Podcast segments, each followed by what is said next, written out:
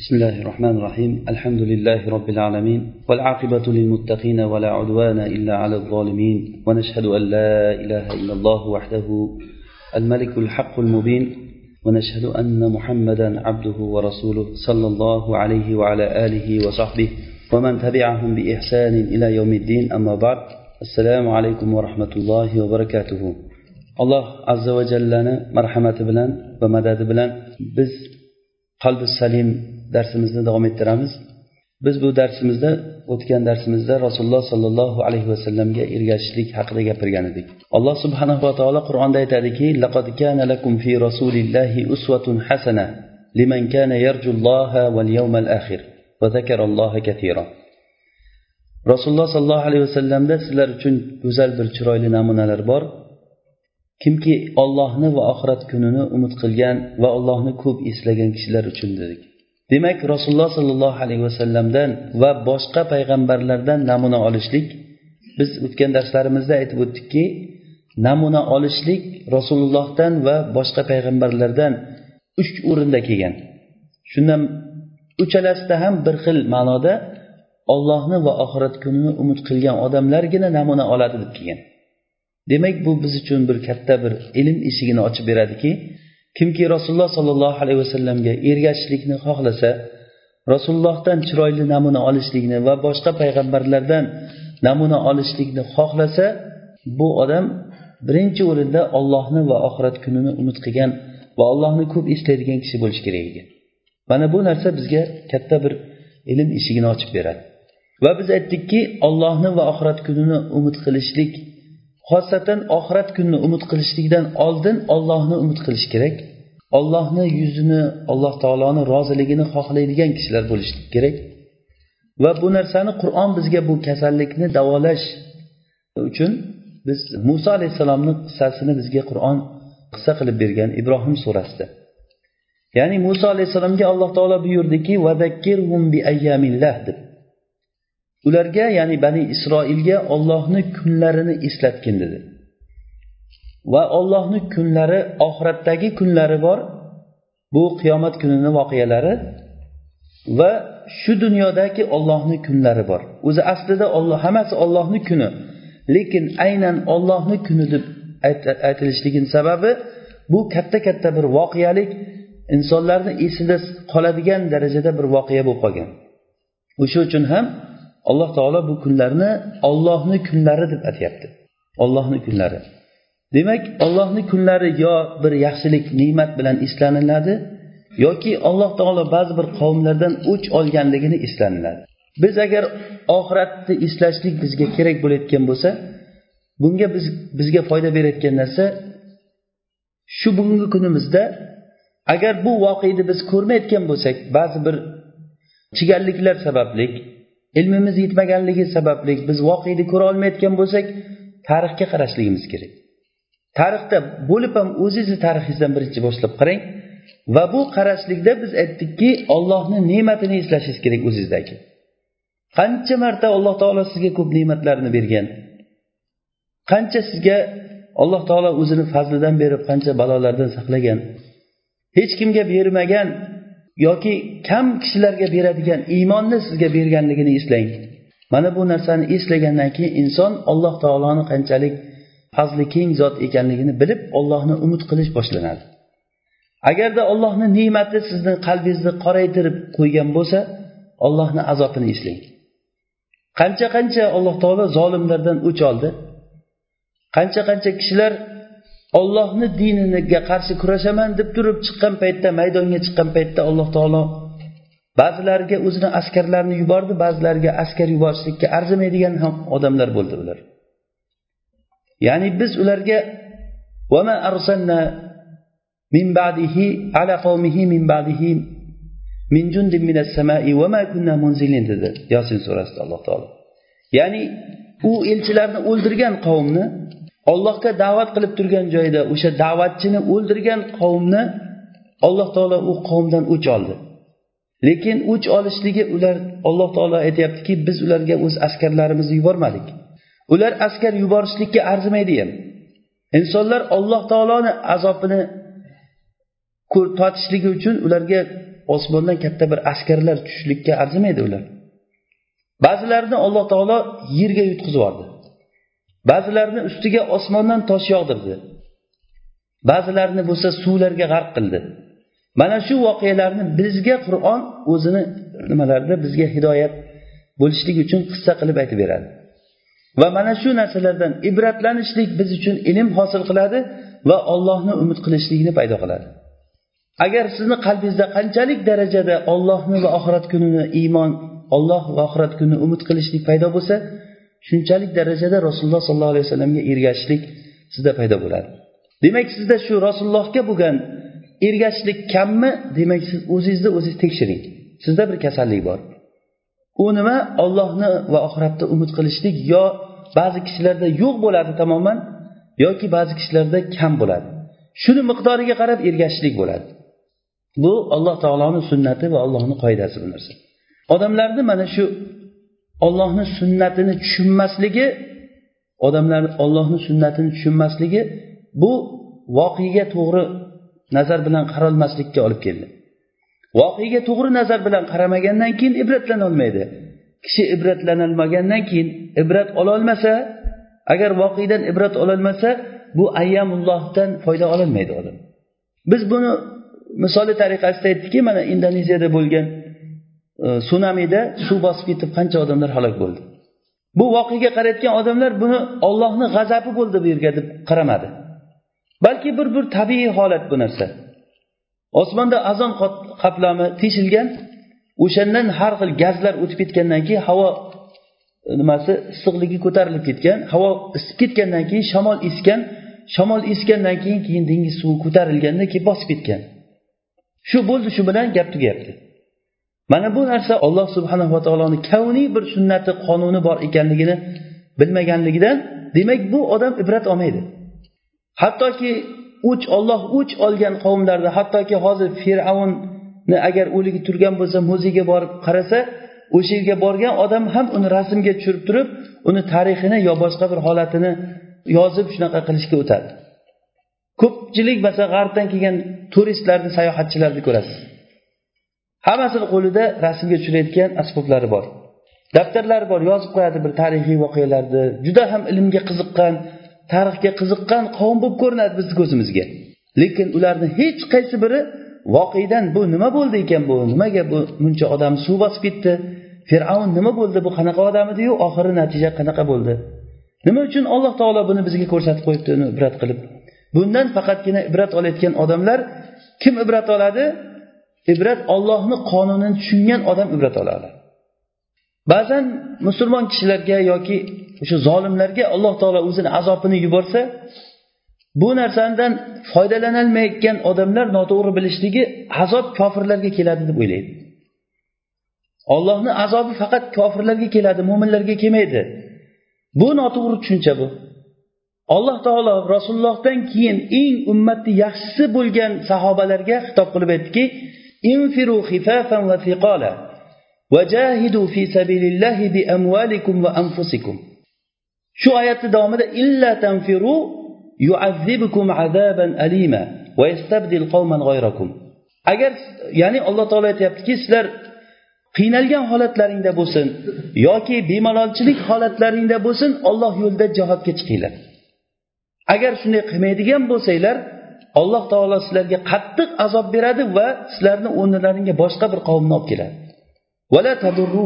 Sizlar ollohga hech narsa zarar bermaysizlar kerak bo'lsa foyda ham berolmaysizlar lekin alloh taolo shu qavmga ya'ni sahobalarday xalqqa eng ummatni yaxshisi bo'lgan rasululloh sollallohu alayhi vasallam shahodatlari bilan xoyrul quruni qorni deb aytganlar eng odamlarni yaxshisi meni sahobalarimni vaqtidagi odamlar deb aytgan odamlarga alloh taolo xitob qilyaptiki illa tanfiru yuazzibukum azaban alima. Agar sizlar olloh yo'lida chiqmaydigan bo'lsanglar sizlarga qattiq azob beradi dedi. Ammor ibn yosir roziyallohu anhu to'qson yoshga kirganlarida jihodga chiqar ekanlar. Shunda yonidagilari ey rasulullohni sohibi siz olloh taolo sizni uzr qilganku siz chiqmasangiz ham bo'ladiku deganda mana bu nafir oyati bizni qo'ymadiku hech qaysimizni chiqmaganimizga. Infiru xifafan va siqola deb qo'yibdi alloh taolo. Ya'ni xifafan degani shababan deb tafsir qilgan kishi va siqola degani shuyuxon deb tafsir qilgan. Ya'ni yosh yigit paytlaringda ham chiqinglar qarri holatlaringda ham chiqinglar degan bu oyat bizga hech bir yonboshlab yotishlik uchun vaqt qo'ymadiku. Qanday o'tiraman degan to'qson yosh paytlarida jihodga chiqar ekanlar. Demak bu olloh subhanava taoloni qonuni agar ollohga itoat qilmasanglar sizlarni alloh taolo avaylamaydi ollohga eng xos kishilar bo'lgan kishilarni ham hatto rasululloh sollallohu alayhi vasallamni ham alloh taolo avaylamas ekan rasulullohni ham alloh taolo qur'onda aytadiki لقد كدت تركن إليهم شيئا قليلا إذا لأذقناك ضعف الحياة وضعف الممات agarda ya'ni bu oyatda yahudlar kelib turib rasululloh sollallohu alayhi vasallamga aytar ekanki biz yahudlarni kattalarimiz. Bizga agar foydamizga agar hukm chiqarib berayotgan bo'lsang biz qavmimiz bilan kelishmovchiliklarimiz bor. Shunda haq ular tarafda. Agar bizni foydamizga hukm chiqarib berayotgan bo'lsang biz seni hakam qilamiz. O'shanda senga iymon keltiramiz. Agar biz iymon keltirsak orqamizdan ko'p yahudlar iymon keltiradi. Degan ma'noda gaplarni aytganda alloh taolo nozil qildiki agarda sen o'sha zolim bo'lgan odamlarga moyil bo'layotgan bo'lsang agar alloh taolo sizni sobit qilmaganda ularga ozroq moyil bo'lmoqchi bo'lib qoldingiz. Izan agar shunday bo'layotgan bo'lsa ozgina moyil bo'layotgan bo'lsang hayotda ikki barobar azob bo'ladi va o'lgandan keyin ham ikki barobar azob bo'ladi. Chunki rasulullohni maqomi eng ulug' maqom bu kishidan bo'layotgan muxolifat ham juda katta muxolifat bo'ladi. Lekin bu bo'lmaydi alloh taolo ma'sum qilgan u kishini. Agar bo'lsa ham sizga qattiq azob bo'lardi deyapti alloh taolo. Hatto rasululloh bo'lsa ham ollohni qonuni ekanki bu ayalmas ekan. Ya'ni bu nima gunoh uchun? Zolimlarga moyil bo'lganliklari uchun. Ya'ni moyil bo'lishlik qancha?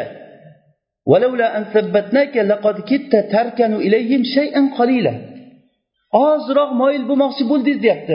Moyil bo'ldingiz degani yo'q. Ozroq moyil bo'lmoqchi bo'ldingiz. Idan degani arab tilida iza kanal amru kazalik agar mana shundoq bo'layotgan bo'lsa agar siz moyil bo'layotgan bo'lsangiz sizga biz hayotda ham o'lgandan keyin ham ikki barobar azoblantiramiz.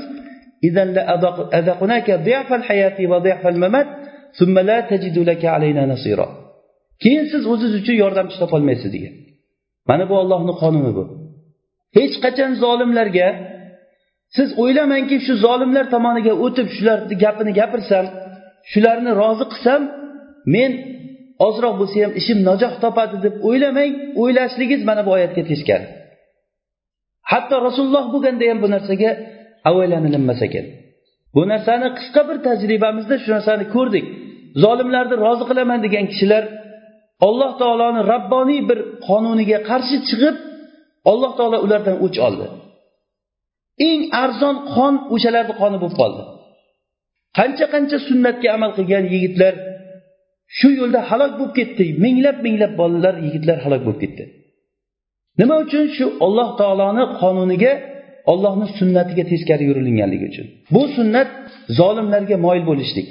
Demak biz bir narsani bilishligimiz kerak ekanki agar biz ma'siyat ishni qiladigan bo'lsak albatta bu ma'siyatni jazosi shu dunyoda kelar ekan oxiratdan oldin. Alloh taolo aytyaptiki biz sizga hayotni ikki barobar gunohini nima azobini tattiramiz demak bu gunoh bu azob hayotda bo'ladi. Va mamat va oxiratda ham bo'ladi degan hatto rasululloh bo'lsa ham hatto sahobalar bo'lsa ham illa tanfiru yuazzibukum azaban alima deyapti. Agar ollohni javobiga javob berib sizlar yosh bo'lsanglar va qarri bo'lsanglar ammor ibn yosirni tafsirida aytsak agar yoki bemalol holatda o'tirgan bo'lsanglar ham qiynalgan holatdamisizlar yoki xotirjam holatdamisizlar sizlarga chiqinglar olloh yo'lida deyilgan paytda chiqmasanglar sizlarni alloh taolo qattiq azob bilan azoblaydi va sizlarni o'rnilaringga boshqa bir qavmni olib keladi. Mana bu bizni ilmsizligimiz va shu zolimlarni rozi qilsak biz xotirjam yashaymiz degan noto'g'ri tushunchamiz bizni kulfatlarga noto'g'ri narsalarga olib keldi. Alloh taoloni koinotda qoidalari bo'lgani kabi shar'iy qonunlari bor shar'iy buyruqlari bor alloh taoloni. Mana shu shar'iy buyruqdan agar teskari chiqayotgan bo'lsak agar shar'iy buyruqni xuddiki ollohni kavniy qonunlariga teskari chiqishlikka o'xshaydi bu narsa. Ya'ni ollohni kavniy qonuni masalan o'simliklarni o'stirishlik uchun alloh taolo bir qonun tuzib qo'ygan. Ma'lum bir gradusda issiqlik bo'lishi kerak unga namlik bo'lishi kerak va yerga tuproqning salohiyati va unga qo'yiladigan urug'ning salohiyati va unga vaqt kerak va uni chekkadan kelayotgan bir buzadigan narsalardan uni asrash kerak. Ming qilganingizdan o'simligingiz o'sgan paytda bir mol yeb ketsa bo'ldi hamma ishingiz ketdi. Demak mana shu moniyalardan man qiluvchi narsalardan bu ekin salomat bo'lishi kerak. Ana o'shanda oxiri o'zini samarasini berishligi mumkin. Bu ollohni qonuni bu. Ana shu qonunga teskari chiqsangiz urug' o'sadimi? Qish kunida siz tuproqqa urug'ni sochib qo'yingda alloh taolo xohlasa o'saveradi desangiz sizni aqlli demaydi ko'rgan odam. To'g'ri bu gapingiz. Alloh taolo hamma xohlagan narsasi ollohni xohlagan narsasi bo'ladi. Lekin ollohni xohishi shuni xohladiki bir qonun ustida hayotni joriy bo'lishligini xohladi. Buni biz bilishligimiz kerak. Bu ollohni rabboniy kavniy qonunlari deyiladi. Buni har bir odam mo'min va kofirlar bu narsani tan oladi. Balki hozirgi kunda kofirlar bu qonunni bizdan ko'ra yaxshiroq biladi. Va yaxshiroq uni hayotga tadbiq qiladi. Sabablarni ushlamasa bir nojot bo'lmasligi. Mana mana shu tarafdan ko'p ularda musulmonlarga qaraganda oldinga ketishlikni ko'rasiz. Xuddi shunga o'xshash alloh taolo hayotni yurishligi uchun inson hayotda va o'lgandan keyin yaxshi hayotda yashashligi uchun alloh taolo qonun insonlarga tushirdi. Bu ollohni kitobi bu. Alloh taoloni kitobi bizga agar kitobni o'qib tadabbur qiladigan bo'lsak ollohni koinotdagi qonunlarini tushuntirib keladidan keyin keyin shar'iy qonunlarni bizga o'shani davomida aytib ketadi. Demak ollohni shar'iy qonuniga teskari chiqqan odamni dunyoda ham oxiratda ham bu odamni hayoti kuydi degan. Ya'ni bu teskari chiqishligi qanchalik ko'p bo'lsa shunchalik ko'p kuyib ketaveradi. O'ziga o'zi zulm qilib qolaveradi. Vaholanki inson yaxshi yashay deb turib ollohni shariatiga teskari chiqadi mana shu teskari chiqishligini o'zi buni boshini yeydi. Bu ollohni qonunlaridan yaxshi biz ibrat ololmasligimizga ko'proq ahli kitoblarga bizni ergashishligimiz ham sabab bo'ladi. Rasululloh sollallohu alayhi vasallam aytdilarki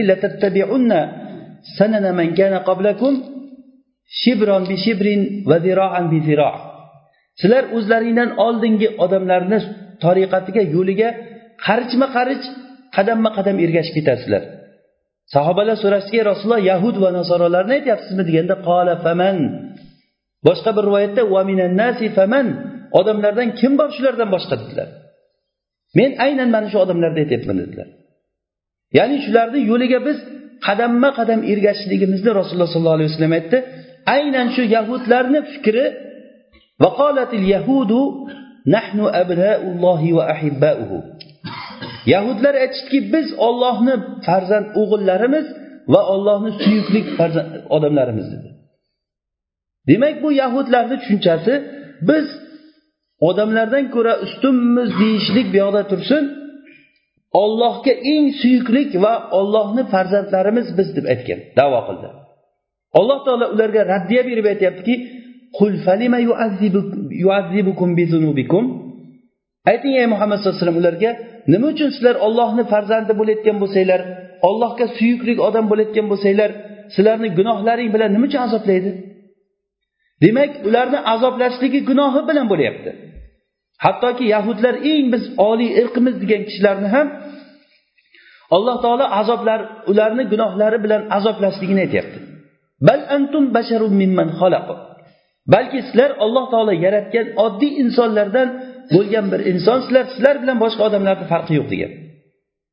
Rasululloh sollallohu alayhi vasallam aytdilar arab kishisini ajam odamdan fazli yo'q illo taqvo bilan.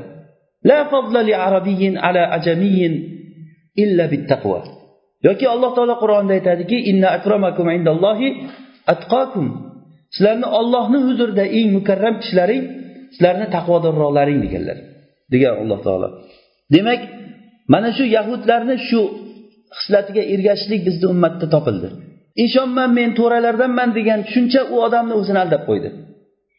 Go'yoki alloh taolo va'da bergandagi ishon bo'layotgan bo'lsa ba'zi kamchiliklari uni kechirilib ketaveradi degandek. Ishon va to'ra bo'layotgan bo'lsa bunga ko'p amallarni qilishlik unga vojib emasday o'zini o'zi aldadi bu odam. Mana bu voqedan to'g'ri natija ololmaslikka olib keldi bu tushuncha. Alloh taoloni qonuni shu ekanki agar ma'siyat qilib turib ollohni sunnatiga teskari chiqdingizmi alloh subhanava taolo avaylamas ekan. Hattoki rasululloh sollallohu alayhi vasallam bo'lsa ham va hattoki sahobalar bo'lsa ham agar xalq o'laroq aytsak bu borada musulmonlar bilan mushriklar bir xil. Ya'ni ollohga toat qilmagan paytda alloh taolo ulardan o'ch olishligi. Lekin mo'min kishilarni ba'zan alloh taolo xoslab bir hukmlarda xoslab chiqargan joylari bor. Ya'ni shu xususiyatlardan biri mo'minlarni kofirlar tamomiy taktuv bilan yo'qotadigan darajada ustun bo'lolmas ekan. Ya'ni kofirlar bosib olishligi mumkin lekin bu bosib olishliklari bilan tamomiy ularni taktuv bilan qirib tashlanmaydi amerika borib turib ispaniyadan chiqqan bosqinchilar borib amerika tashkil bo'lgan paytda u yerda mahalliy xalqi hindlar bo'lgan. Shu hindlarni qirib o'ldirib tagi tuvi bilan qoldirmay qirib tashlagan. Lekin bizni ummatga kofirlar ustun bo'lgan joylar juda yam ko'p mana ko'rib turibsiz. Lekin bu ummatni xususiyati tagi tuvi bilan qirib tashlolmas ekan ular. Yo'qotolmaydi mana o'zimizdagi holatlarda ko'rsangiz mavaronahr xalqlari necha yil kofirlarni istibdod ostida bo'ldi? Lekin u yerdan islom yigitlarini musulmonlarni qaynab chiqishligini ko'ring. Bu narsa alloh subhanava taoloni bu ummatga bergan xususiyatlaridan biri. Yana bir xususiyatlari agar alloh taolo bu ummatga imkon bersa kofirlarga bergan imkonga o'xshamaydi. Ya'ni kofirlarga alloh taolo imkon bersa hozirgi masalan rivojlangan g'arb davlatlariga alloh taolo tamkin bu imkon berib ularga pul qurol boshqa tomonlardan ularga kundan kunga rivojlanishlikni alloh taolo berganligi buni biz istidroj deb bilishligimiz kerak qur'on tili bilan aytganimizda ya'ni istidroj degani sekin sekinlik bilan daraja daraja daraja borib halokatga borib turib oxiri qulaydigan bir tomonga chiqishlik. Ammo musulmonlarga bunaqangi narsa berilsa bu hech qachon bu istidroj bo'lmaydi. Agar bo'lishligi mumkin agar ma'siyatimizga ko'ra shunday alloh taolo berayotgan bo'lsa. Sizga o'lchov shu narsa. Siz o'zizga qarang. Agar alloh taologa osiy bo'lsangiz ham alloh taolo sizga o'zini fazlini beradigan bo'lsa bundan qo'rqing. Alloh taolo sizni alloh taolo sizni sinayapti sizga berayotgan narsalar bilan siz gunohda ziyoda bo'lib ketyapsizmi? Demak sizga berilayotgan narsa bu istidroj bo'ladi.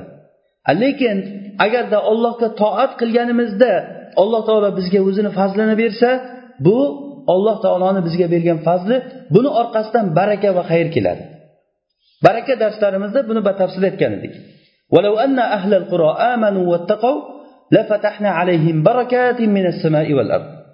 Agarda qishloq ahli iymon keltirib taqvo qilganlarida edi biz ularga osmonu yerdan barakalarni ularga ochib qo'ygan bo'lardik. Demak musulmonlarga musulmonlar bilan kofirlarni farqi mana shu joyda. Ya'ni alloh taolo agar imkon bersa tamkin bersa kofirlarga berilingan imkoniyat bilan mo'minlarga berilingan imkoniyatni farqi bor. Mo'minlarga berilingan imkoniyat bu ollohni fazli bo'ladi bu. Kofirlarga berilingan imkoniyat ollohni bu o'ch olishligi ularni yana ham gunohda ziyoda bo'lishligi uchun berilgan bo'ladi. Buni farqi bor albatta. Ibn abi zibni e, davrlarida imom ahmad rahimaulloh musnadida rivoyat qilgan bir surra ya'ni bir kashilakka o'xshagan bir narsa topilgan ekan o'shani ichida bir dona bug'doy urug'i bor ekan. O'sha bug'doy urug'ini kattaligi xuddiki xurmoni danagiga o'xshar ekan. Xurmoni danagichalik katta bug'doy va unga yozilgan ekan xatda bu adolat bilan hukm qilingan yilni hosili deb yozib qo'yilgan ekan. Adolat bilan hukm qilinsa alloh subhanava taolo o'zini barakasini ochib qo'yishligi. Shuning uchun ham iso alayhissalom oxirgi zamonda tushgan paytlarida alloh taolo yerni yerga o'zining barakangni chiqar deb buyruq beradi. Hattoki bir, bir dona anorni bir jamoat yeydi va anorni po'stlog'i bilan soyalanib o'tiradi deyilgan. Anorni bir dona anorni po'stlog'i bitta jamoatga soya qiladi. Bir qo'yni sog'ib olsa bir qancha bir, bir uyga yetadi. Bir sigirni yoki bir tuyani sog'ib olsa qancha bir jamoatga yetadi deb hadislarni aytgandik. Demak bu ollohni beradigan barakasi alloh taoloni barakasi ollohga bo'lgan toatdan kelib chiqadigan baraka bo'ladi. Alloh taoloni kavniy qonunlarini tushunishlik voqega to'g'ri nazar bilan qarashlikka olib keladi. Biz nima uchun voqeadan to'g'ri ibrat ololmaymiz? Chunki biz ollohni kavniy sunnatlarini bilmaymiz. Hozir darsimizdan hosil bo'lgan foyda alloh taoloni sunnatlaridan biri agar ollohga osiy bo'lsangiz alloh taolo avaylamas ekan hattoki eng odamlarni ashrafi bo'lgan sharaflisi rasululloh bo'lsa ham. Sizku hali ishonman deb to'raman deb yo bir o'zi oq suyaklardanman deb o'ylamaysiz. Hatto rasululloh bo'lsa ham deb alloh taolo aytib qo'ygan. Yoki ha bu rasulullohga rasulullohga bo'lgan xitob lekin rasululloh sollallohu alayhi vasallam shirk keltirmaydilar. Hasha va kalla u kishi ma'sumlar. Lekin bu ollohni qonuniki hatto shu kishi bo'lsa ham bu avaylanilmaydi degani huzayfa roziyallohu anhu aytgan ekanlar qaysiki bir qavm agarda ollohni haqqini oyoq osti qilsa ular boshqa bir qavmga ularni haqqi oyoq osti bo'ladi degan qonunda aytgan ekanlar. Bu tushunchani bu kishi shariatda bo'lgan ollohni qonunlarini tushunganligi uchun aytgan buni. Musulmonni qonidan ko'ra arzimas qon bo'lmay qoldi hozirgi kunda. Sababi ollohni haqqini poymol qilganligimiz uchun bo'ldi bu narsa. Ollohga shikoyat qilamiz zolimlardan lekin o'sha zolimlarni birinchisi bo'lib turib o'zimiz bo'lishligimizga biz e'tibor bermaymiz. Bu olloh taoloni qonuni bu narsa. Agarda qaysiki qavm ollohga agar ollohni haqlarini oyoq osti qildimi ularni qoni boshqalarga oyoq osti bo'ladi. Bu narsani biz hozirgi kunda voqeda ko'rib o'tiribmiz. Mushuk va kuchuklarni qonlari musulmonni qonidan ko'ra e'tiborliroq. Bir shunaqangi bir musulmon qonini men o'z tajribamizda ko'zimiz bilan ko'rdik shu narsani. Qaysiki bola agar bir soqollik bo'lsa sunnatga amal qilgan bo'lsa ko'chadan shunday ushlab olib kirilingan joyda o'sha joyda otib otib o'ldirganlarini ko'rdik. Nima uchun otayotgan odam ham bilmaydi nima uchun otayotganligini o'layotgan odam bilmaydi nima uchun o'layotganligini. E, orqasidan bir so'rayotgan odam yo'qki kim o'ldirdi buni? Nima uchun o'ldirdi shuni o'ligi chiqyapti deb hech kim so'ramaydi. Nima uchun bunchalik darajada bizni qonimiz arzimas bo'lib qoldi hattoki kofirlar uchun emas musulmonlarni o'rtasida bir birimizga qonimiz shunchalik e'tiborsiz bo'lib qoldi. Buni sababi siri ollohni haqqini biz poymol qilganligimiz. Agar biz o'zimizga qaytmasak agar ollohni ne'matini biz o'zgartirmaganimizda edi bizga bunchalik darajada musibatlar kelmagan bo'lardi. Buni ishonch bilan qonun sifatida aytamiz buni. Bu musibatlarni kelishligini sababi ollohni haqqini poymol qilishlik bo'ldi. Mullalarni ichida bachchavozlik tarqaldi.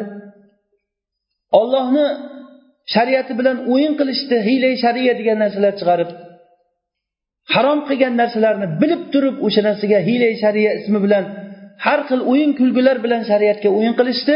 Ana o'sha qavmdan alloh taolo o'ch oldi. Yana uni kimni qo'li bilan o'ch oldi? Umrida mustahab qilmaydigan hech narsani farqiga bormaydigan bir falokat bir qavmni qo'li bilan o'ch oldi ularni. Nima uchun musulmon kishilarni qonuni bunchalik darajada yengil bo'ldi? Ayollarni qanday holatga kelib qoldi? Ilgari ayollarni paranjida yurgan orqa oldi bilinmagan ko'chada yurgan paytda. Yaqin tarix bu narsa. Ayollarni holati avratlari ochilindi. Xohlasin xohlamasin ochilindi endi hozir yop desangiz uyalaman deydigan darajaga kelib qolgan. Avratingni yop desa uyalaman deganlarini o'zimiz eshitdik. Ro'mol o'rashlikka uyaladigan uyaladi ayollar. Mana shu holatga kelib qoldik biz. Bu narsa davom etaveradi davom etaveradi. Qachon nihoyasiga yetadi bu? Biz qachon ollohni huquqlarini bersak joyiga qo'ysak o'sha narsa o'sha joyda to'xtaydi bu narsa. Buni sahobalar juda yam yaxshi tushunib yetgan. Shuning uchun ham umar ibn hattob roziyallohu anhu shomga borgan paytlarida abu baydat ibn jarroh u kishini kutib olib turib ey amiril mo'minin sizni holatingizni qarang yalang oyoq bo'lib turib yamoq kiyimda bunaqa holatda kelyapsiz mo'minlarni amiri sal durustroq kiyim kiyib kelsangiz bo'lmaydimi? degan paytda ey abu ubayda agar sendan boshqa odam bu gapni gapirganda mendan haqini olardi degan. Biz qanaqangi qavm edik o'liklarni yeydigan butga ibodat qiladigan hech bir odamlar uni odam demaydigan qavm edi ular mug'ayrat ibn shoba rustum o'zini elchilarini yuborib turib chiqib rustum gaplashardi musulmonlar bilan. O'sha paytda uni aytgan gapi borki ma antum degan. Sizlar nimasizlar o'zi? degan. Man antum ham demagan. Arab tilida ma kalimasi jonsiz narsalarga ishlatilinadi man kalimasi aqlli odamlarga ishlatilinadi shunda sizlar o'zi kimsizlar demasdan turib ma antum degan savolni bergan. Mug'ayrat ibn shoba o'shanda bir ajoyib javoblarni beradi. Nahnu qavmun minal arab kunna nalbasul vabar va na'budul hajar. Biz toshga ibodat qilardik jun kiyimlarni kiyib yuradigan qavm edik alloh taolo bizga ichimizdan bir kishini payg'ambar qilib jo'natdi. Biz unga iymon keltirdik va ollohga ibodat qilishlikka o'tdik. Sizlarni ham shunga chaqirib kelamiz. Yo bizdek bo'lasizlar yo biz sizlarni o'ldiramiz yo sizlar bizni o'ldirasizlar degan. Uchta yo'l bor oldilaringda degan. Mana shunday odamlarni shunda nima holatdan shuncha shunchalik darajada xor bo'lgan ummatni dunyo dunyo yer kurrasi ko'rmagan bunday ummatga chiqarib qo'ygan narsa nima? Nahot biz shu narsadan hech ibrat olmaymiz? Bitta narsa bu yerda qur'on. Qur'onga amal qildi ollohni shariatiga amal qildi ular mana shu holatga chiqdi. Ollohni shariati oyoq osti bo'ldi mana shu holatga tushdik. Musulmonni qonidan ko'ra arzon qon bo'lmay qoldi. Bir g'arb davlatlaridan biriga borgan nima aytib beryapti e, shayx vajdiy g'unaym hafizaulloh qaysi bir shaharda aytganda hozir esimda qolmadi. Bir kuni deydi bir mushuk kichik mushukni bolachasi daraxtga chiqib qolibdi ekan. Shuni odamlar yig'ilishib turib mushukni bolasi taraqa chiqib qolibdi ekan tushiramiz deb muammo bo'lib hamma joy bir birini chaqirib oxiri politsiya chaqirishdi. Politsiya kelib turib keyin o't o'chiruvchilarni chaqirdi. O't o'chiruvchilar boyagi nimalarni yoqib katta bir jamoat keldi deydi. Korrespondentlar kelgan jurnalistlar kelgan televizorga olinyapti. Haligi narvonlar bilan chiqib mushukni qutqarib olib chiqdi. Hamma chapakcha olib turib televizorga chiqdi o'sha voqea deyapti. Bir mushukni daraxtni ustidan olib tushishga shuncha gap bo'lyapti. Bizni musulmonlarni qonichi ayollarni nomusi toptalishligicha nima uchun hech kim ularni so'ramaydi? Shunday qamoqqa borgan holatdagi musulmonlarni holati nima bo'lyapti? Hech kim u holatdan qiziqmaydi. O'lsa kim o'ldirdi buni? Nima uchun o'ldirdi degan savol bo'lmaydi. Qancha yigitlar misr ko'chalarida o'sha tangalarni tagida oyog'ini tagida qolib o'lib ketdi? Birorta odam so'ramaydiki qani o'sha haq huquqni himoya qiluvchi odamlar mana ularni kim o'ldiryapti nima uchun o'ldiryapti deb nimaga so'ramaydi? Buni sababi ollohni shariatini biz oyoq osti qilganligimiz boshqa narsa emas bu. Agar ollohni shariatini biz qoyim qilganimizda bu holatda bo'lmasdi. Hech qachon musulmon kishi bilan kofir odam yuzma yuz kelib urusholmaydi buni yaxshi bilaylik bu ollohni qonuni bu. alloh taoloni bir qonuni hozir biz sunanulloh haqida gapirar ekanmiz alloh taolo oyatda aytadiki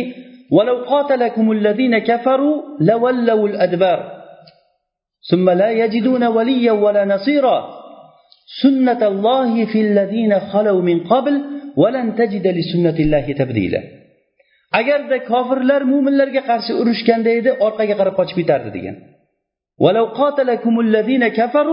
bu qonun bu Ular orqaga qarab qochadi. Lekin sharti nima? O'sha ular bilan turib beradigan odamlar bo'lishi kerak. Oz bo'lsa ham turib beradigan odamlar bo'lsa ollohni qonuni shuki ularni orqaga qarab qochib ketishligi bo'ladi. Ular o'zlariga biror bir vali yoki biror yordamchi topolmaydi. Bu narsa ollohni sunnati qonuni bu. Ollohni sunnatini siz o'zgartiruvchi narsa topolmaysiz. xuddi shu ma'noda arab arab tilida yana bir she'r yozilgan ekan la taqulul muslimun anhazamu ummatul muxtari fi hifzi somari إنما تلك مسوخ ورثت نسبة الإسلام عن أم وجدي فإذا زلت لباغ فكما يعبس الفأر بتمثال الأسد musulmonlar mag'lub bo'ldi demang hech qachon chunki rasulullohni ummati hech qachon ollohni hibsida bo'ladi doim hech qachon mag'lub bo'lmaydi. Siz aytmangki musulmonlar mag'lub bo'ldi demang. Chunki rasulullohni ummati ollohni hibsida bo'ladi. Bu mag'lub bo'lgan odamlar musulmon ko'rinishdagi haykallar xolos. Deyapti. Ular bir masx degani haykallar degani. Ko'rinishi musulmon lekin o'zi musulmon emas. Bu islomni o'zini ota onasidan meros olgan odamlar ular faqat. Islomni ongli ravishda tushunib ollohga bima'nal islom musulmon bo'lgan odamlar emas ular. Ular ota onasidan islomni meros olgan merosxo'r musulmonlar faqat ular. Agarda siz qachoniki bir bog'iyni ko'rsangiz musulmonlar ustida zulm qilayotganligini ko'rsangiz bilingki sichqon sherni haykali bilan o'ynashayotganligini ko'rgan bo'lasiz degan sichqon qachon sher bilan o'ynashadi? U sher haykal bo'lsa. Lekin jonivor sher bo'layotgan bo'lsa hech qachon sichqonga o'yin bo'lmaydi. Ya'ni musulmonlar sher bo'layotgan bo'lsa ollohni dushmanlari bular sichqon yoki sichqonday ham emas. Alloh taolo chunki qonun qilib aytib qo'ydi ya'ni lom bilan lav shart bilan aytyaptiki agarda sizlarga qarshi ular qitolga chiqsa maydonga albatta ortiga qarab qochadi degan. Siz hech qachon aytmangki bu musulmonlar kofirlarga mag'lub bo'ldi demang. Chunki rasulullohni ummati hech qachon mag'lub bo'lmaydi. U mag'lub bo'lgan odamlar ular islom shaklidagi musulmonlarni haykallari xolos ular. Ular islomini ota bobosidan meros olgan odamlar ular. Agarda siz qachonki bir zolimni qo'li oyog'ini ostida musulmonlarni mazlum bo'layotganligini ko'rsangiz bilingki sichqon sherni haykali bilan o'ynayapti degani. U sher emas u. agar sher bo'lganda sichqonga hech qachon o'yin bo'lmasdi. Bu narsalarni sababi ana shu. Ollohni qonuni bu narsa. Anas roziyallohu anhu oysha roziyallohu anhodan borib zilzila haqida so'ragani keldim sizdan degan.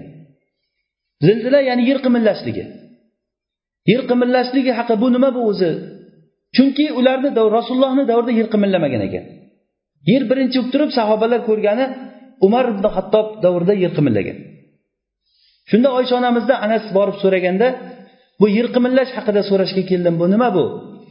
deganda oysha onamiz aytgan ekanlarki odamlar zinoni o'zlariga halol sanagan paytda ollohni harom qilgan narsalariga jur'at qilgan paytlarida alloh taolo osmonni yuqorisidan turib musulmonlarga rashk qildi. Ollohni rashki kelganligidan yer qimilladi odamlar tavba qilishliklari uchun tavba qilsalar alloh taolo ularni asraydi agar tavba qilmasa yer bilan yakson qiladi degan. Mana bu yer qimillashligiga bo'lgan oysha onamizni ko'z qarashligi endi biz siz hozirgi musulmonlardan so'rang yer nima uchun qimillaydi deb so'rangchi nima deb javob beradi? Kim aytadiki bu ollohni bu rashki kelganligidan deb kim aytadi bu narsa? Erkaklarni rashki qolmagandan keyin ayollarga. Shu darajagacha borib qoldiki ko'chada yurib bo'lmaydigan holatga kelib qoldi. Masjidga kelib namoz o'qiydigan odamni xotini yoki singlisi yo qizi butun avratini ochib harom harish bilan ko'chalarda yurganligini ko'rasizmi? Nahot o'sha odamni rashki kelmaydi shu narsaga? Rashklar o'lib bo'lgan paytda alloh taolo yetti qat osmonni yuqorisidan alloh taolo rashki kelar ekan. Alloh taoloni rashki borligi uchun qattiqligi uchun butun fohish ishlarni zohir bo'lgan va botin bo'lganlarini alloh taolo harom qildi. Sad aytgan ekanki agarda men xotinimni bir begona erkak bilan ko'rib qolsam qilichim bilan uraman degan ekan. Ya'ni qilichni yonchasiga urmayman qilichni tig'i bilan uraman degan. Shunda bu saat nima deyapti? Deb rasululloh sollallohu alayhi vasallam bu nima deyapti bu saat deganda sahobalar ey rasululloh saatdan siz ranjimang. Bu juda ham rashklik. Rashklik bo'lganligi uchun hech qachon erga erdan chiqqan ayolga uylanmagan faqat bokira qizlarga uylangan. Rashklik bo'lganligi uchun ham sad taloq qilgan xotinini hech kim jur'at qilib turib saddan keyin uylanolmagan bizda degan. Sad ibn muaz ya'ni shunda rasululloh sollallohu alayhi vasallam sizlar saatni rashkli deb turib rashkidan ajablanyapsizlarmi lekin men saatdan ko'ra rashkliroqman olloh mendan ko'ra rashkliroq o'sha uchun ham fahsh ishlarni zohiriyu botinini alloh taolo harom qildi degan. Demak ollohni mahorimlari muzikalarni halol qilsa odamlar hattoki muzikasiz hayotni tasavvur ham qilolmaydigan holatga kelib qolsak mana bu paytda yer qimillashligini nima deb tahlil qilish kerak endi? Taloq surasida agar tahammul qilib o'qiydigan bo'lsak taloq surasini boshidan ya ayuhan nabiyu iza tallaqtumun nisaa fatalliquhunna liiddatihinna va ahsul idda. Ya'ni taloq surasini boshidan boshlab birinchi oyatidan boshlab ahkomlar haqida alloh taolo gapiradi.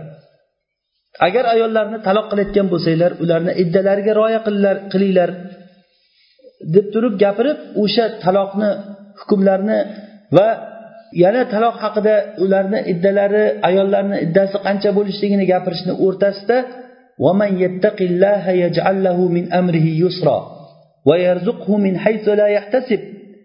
degan oyatlarni o'rtaga ollohdan taqvo qilgan odamlar haqida gapirib ketadi va taloq haqida hukm tugagandan keyin taloq haqida alloh taolo ahkomlarni aytib bo'lgandan keyin mubasharatan to'g'ridan to'g'ri alloh taolo aytadiki من قرية عتت عن أمر ربها ورسله فحسبناها حسابا شديدا وعذبناها عذابا نكرا فذاقت وبال أمرها وكان عاقبة أمرها خسرا أعد الله لهم عذابا شديدا فاتقوا الله يا أولي الألباب الذين آمنوا قد أنزل الله إليكم ذكرا يعني qancha qancha qishloqlar borki ollohni amridan ular o'tuv ya'ni ollohni amriga teskari chiqdi nima uchun bu oyatni ollohni amriga teskari chiqqan qancha qancha qishloqlar o'tmishda qancha qancha tarixda odamlar o'tdiki ollohni buyrug'iga ular qarshi chiqdi deb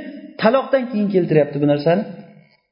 Chunki aksar gunohlar uylarda bo'layotgan uy ishlarida bo'layotgan ishlar o'sha taloqdan keyin bo'layotgan hujurlar buni hozir voqeda ko'rib o'tiribsiz. Ollohni shariati bilan o'ynashishlik shu taloqda ko'p ko'ryapsiz bu narsani. Uch taloqni alloh taolo uchta taloqni berdi erkaklarni haqqi. Uchta taloqdan keyin u ayol halol bo'lmaydi. Har qancha tavba qilsin har qancha tazarru qilsin agar o'ttizta yigirmata balasi bo'lsa ham tamom shariatni hukmi shu. Go'yoki endi bu odam chiqyaptidan keyin uchta taloq qilingan ayolni halollab beryaptiki xuddiki bu shariatdan ko'ra bu odamga mehribonroq odamga o'xshaydi.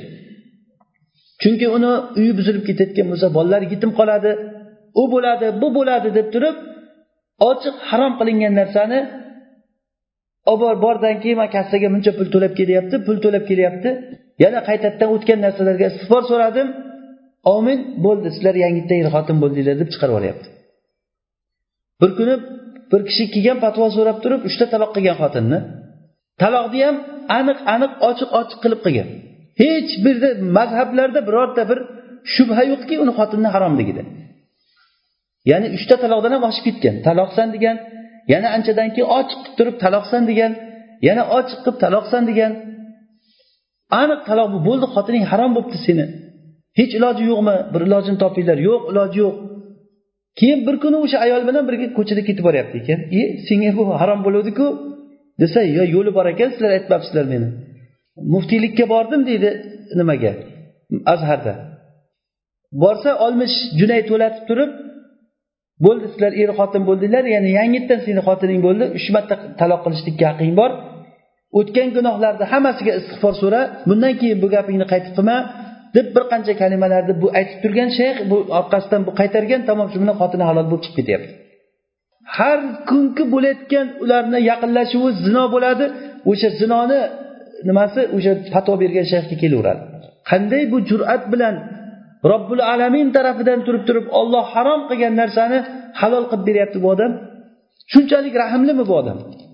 Shunchalik ollohni shariatini buzishgacha rahmli bo'lib turib bu ollohni sunnati shuki qachoniki? Agar ollohni shar'iy qonunlari buzildimi? Ollohni kavniy qonuni buzilganligiga o'xshaydi bu narsa. Ya'ni kavniy qonun nima? Kavniy qonun deganligimiz hozir masalan o'simliklarni o'sishligi va boshqa boshqa narsalarni aytdiku shar'iy qonunlarga rioya qilmaslikda o'zi shar'iy uqubatlar bitta shaxsga keladi azobi agar o'sha narsaga rioya qilinmasa azob umumiylashadi. Masalan o'g'rini qo'lini kesishlik zinokorni agar uylanmagan bo'lsa uni yuzta jalda urishlik uylangan bo'lsa toshbo'ron qilishlik uni. Mana bu narsa ollohni shariati bu. Ollohni shar'iy qonuni.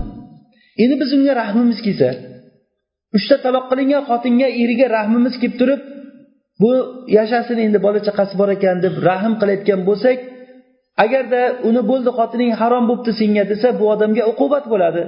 Xotindan tamom ajraladi. Lekin uqubat o'shani o'ziga bo'ladi. Agarda shuni halollab ollohni shariatiga xilof qilayotgan bo'lsa buni azobi hammaga ommaga bo'ladi. Alloh taolo oldingi bani isroilni halok bo'lib ketganligi haqida bayon qilib aytadiki kanu la yatanahawna an munkarin faaluhu labisa ma kanu yaf'alun va fi aya labisa ma kanu yasnaun. Ya'ni ular o'zaro bir birlarini yomon munkar ishlardan qaytarishmasdi. U qaytarishni qo'ying hozir patvo berilyapti bu narsaga.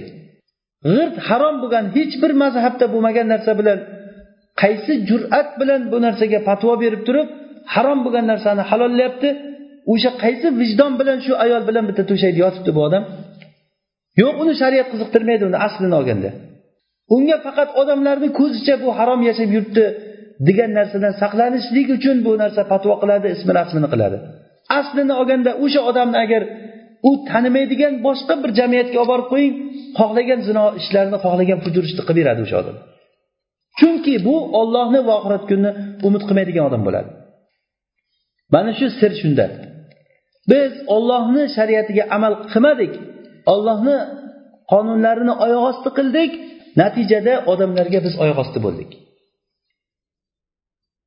Amr ibn os roziyallohu anhuni oldida bir sahobiy aytgan ekanki la nasu illa nas degan ekan.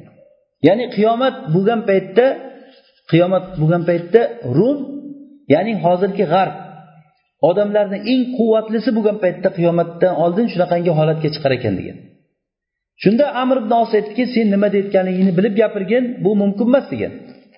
Bu mumkin emas chunki musulmonlar o'zini shavkatini egallab bo'ldi. Fors imperiyasi rum imperiyasi yiqildi bular. Endi bular tiklanmaydi degan. Tamom endi bular kundan kunga odamlar ollohni diniga jamoat jamoat bo'lib kiryapti. Butun xalqni haroji baytul molga kelib turib yig'ilyapti musulmonlarni shavkati kundan kunga oshib ketyapti. Butun dunyo musulmonlardan qo'rqib titrab ketdi. Bu holatni ko'rib turibsan sen. Endi qanday qilib turib rum eng kuchli bo'lgan holatda bo'ladi qiyomatdan oldin? Bu mumkin emas degan. Shunda u kishi aytgan ekanki uni bilmadimu lekin men bu gapni rasulullohdan eshitganman degan. Rasululloh aytuvdilar shunday deb desa amr ibn os agar rasululloh aytgan bo'lsa demak ularda to'rtta xislat bo'ladi deb gapini davom ettirgan. Ya'ni men shuni aytmoqchimanki amr ibn osni voqeda bo'ladigan voqedan oladigan u kishini ko'z qarashligini biz shunga e'tiborli qarashligimiz kerak. Ya'ni voqeda musulmonlar nima uchun ustun bo'lib turibdi? Ollohni shariatiga amal qilganligi uchun. Xuddiki ibn taymiya rahimaulloh shomda tatarlar bostirib kelgan paytda vallohi biz g'olib bo'lamiz degan gaplariga o'xshab qanday ishonch bilan aytdi buni? Chunki ollohni va'dasiga ishonib in yansurkum oyatiga ishonib aytdi buni. Ya'ni ollohga nusrat yordam bersanglar ollohni diniga olloh sizlarga nusrat beradi degan va'dasiga aniq ishonch bilan aytganda yonidagilar siz inshaalloh deng desa ibn taymiyaga inshaalloh tahqiqon la taliqon degan. Ya'ni bu baraka uchun inshaalloh deyman. Haqiqatda bo'lishligiga ishonib inshaalloh deyman deb aytgan. Nima uchun bunchalik katta gapira olgan? Chunki odamlarni holatidan ko'rganki in ular erkaku ayol yoshu katta hammasi ollohni yo'lidan o'zini fido qilib chiqqanligini ko'rgandan mana shu gapni aytgan u kishi. Demak bu voqeaga qarab biz to'g'ri tahlil qilishligimiz. Amr ibn oz aytdiki agar unday bo'layotgan bo'lsa ularda to'rtta xislat bo'ladi. Ularni birinchi xislati fitna paytida odamlarni eng halimi bo'ladi ular degan. Shu narsani hozir subhanalloh bu sahobiyni karomati bu hozirgi voqeda ko'rayotgan musulmon bo'lmagan odamlarni fitnaga bo'layotgan munosabatini ko'rib ularni halimligini ishni shoshilmasdan sekin sekin ishni tajriba bilan qilayotganligini ko'rib hayron qolasan. Eng hovdiragan odamlar musulmonlar. Sal qiyinchilik kelib qolsa bir biri bilan urushib ketadi qayerda bir musulmon jamoasi yig'ilganligini ko'ring albatta o'rtada fitna bor. G'iybat o'shalarni ichida kelishmovchilik o'shalarni ichida agar o'rtada bir moliyaviy bir jamg'armasi bo'layotgan bo'lsa yeb ketdi ichib ketdi hammasi shuni ichida bo'ladi. Fitna bo'lgan paytda odamlarni eng halimi deb ko'rasan degan. Va ikkinchisi musibatdan keyin eng tez o'ziga keluvchi bo'ladi degan ekan. Musibat bo'lgan paytda tez o'ziga keladigan bu ollohni sunnati bu narsa. Musibat paytida gangib qolmasdan tez o'ziga keladi va uchinchi xislati orqaga chekingandan keyin tezlik bilan oldinga o'tadigan qavm bo'ladi ular degan. Juda tezlik bilan siz o'ylamang kofirlar bir joydan tashlab chiqib ketdi deb. Ular juda tezlik bilan o'sha joyga yana qaytib keladi. Bu ollohni sunnati bu narsa. Demak birinchisi fitna paytida ular eng odamlarni halimi bo'ladi. Ikkinchisi ular musibat paytida juda ham tez o'ziga keluvchi bo'ladi. Uchinchisi orqaga qaytgandan keyin tezlik bilan yana qayta hujumga o'tadi degan. Va to'rtinchisi ular ichida miskin va zaiflari ularni ichida bo'lmaydi degan. Miskin va zaiflari bo'lmaydi. Hozir g'arb davlatlarida agar ikkita joydan spravka olib kelsangiz siz qog'oz olib kelsangiz men bordim ish so'rab bordim ish bermadi ish so'rab bordim ish bermadi deb siz qog'oz olib borib bersangiz sizga maosh ajratadi davlat. Maosh ajratadi o'sha maoshi sizni bemalol yeyishingiz ichishingizga hammasiga yetadigan. Man ellik junayda ol yo ellik nimani olda mana shuni non sotib olib yeysan degan ma'noda bermaydi. Demak miskin bilan zaif kishilar ularni ichida bo'lmaydi degan. Va beshinchisi buni o'zim qo'shib aytaman degan bu kishi beshinchisi podshohlarni zulmidan ular man qiluvchi bo'ladi degan. Hattoki nimani davlatni raisi bo'lgan odamga ham bitta jurnalist chiqib bemalol uni aybini ochiqchasiga gapira oladi. Uni nima uchun bunday gapira oladi? Chunki uni orqasida xalq turibdi. Bo'lmasa u rais kuchi yetadi uni qayirib qo'yishlikka lekin unga bir narsa deydigan bo'lsa orqasidagi xalqdan qo'rqadi u. Ko'tarilib ketishligidan mana shunaqangi qavm ular. Amr ibn os roziyallohu anhuni voqeaga qaragan u kishini o'tkir fikriga qarang. Mana shu to'rtta xislat va u kishi o'zidan qo'shgan beshinchisi bilan hozir bular musulmonlar ustida ustun bo'lib turibdi. Biz baromikalarni qissasi haqida gapirgan edik eslaringizda bo'lsa. Bu narsa hozir bu yerga ham bir taalluqli joyi bor. Baromikalar bular horunur rashidni davrida bo'lgan juda boyib ketgan kishilar bo'lgan. Horun rashidni vaziri o'sha jafarul baromikiy degan ularni eng boyi horun rashidni vaziri bo'lgan eng ishonchli kishilardan bo'lgan. Ular shu darajada boyib ketganki hatto o'sha jafarni uyidagi qo'yilgan mana bu uyga qo'yilgan to'sinlari tillodan bo'lgan ekan.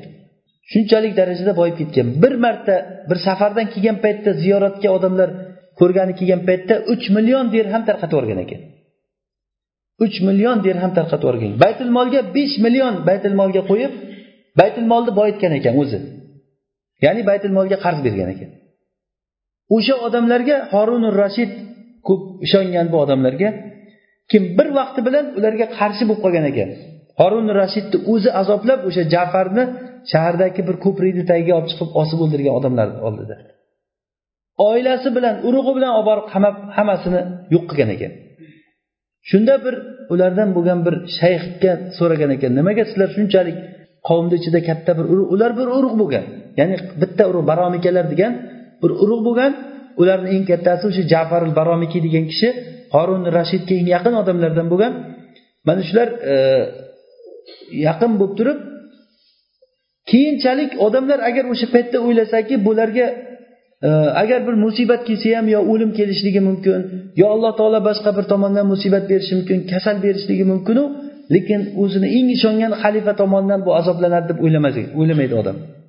Alloh taolo buni teskari qilgan. Horun rashid u kishi solih xalifalardan bo'lgan. Bir yili haj qilsa bir yili g'azot qilar ekan. Lekin shu kishi o'shanga qarshi bo'lib turib shuni azoblab o'ldirgan ya'ni o'shalardan bir shayxdan so'ralingan ekanki nimaga sizlar bu yomon holatga tushib qoldik deganda bilmadim. Lekin meni o'ylashimcha bizni zulmimiz bo'lsa kerak degan. Chunki u odamlarga ko'p zulm qilgan odamlar bo'lgan bular. Bekardan bekarga bunchalik boylik kelmaydi o'zi. Ehtimol zolim biz zolim bo'lib xotirjam uxlab yotgan paytimizda bir mazlumni ko'zi uxlamasdan kechasi bir duo qilib yuborgan o'sha duosini ijobati bo'lsa kerak deb o'ylayman men degan. Har qalay shular bir katta bir ibrat bo'lib qolgan. Mana shunday ollohni qonuni zolimlarga bo'ladigan ollohni qonuni xuddi shunday bo'ladi.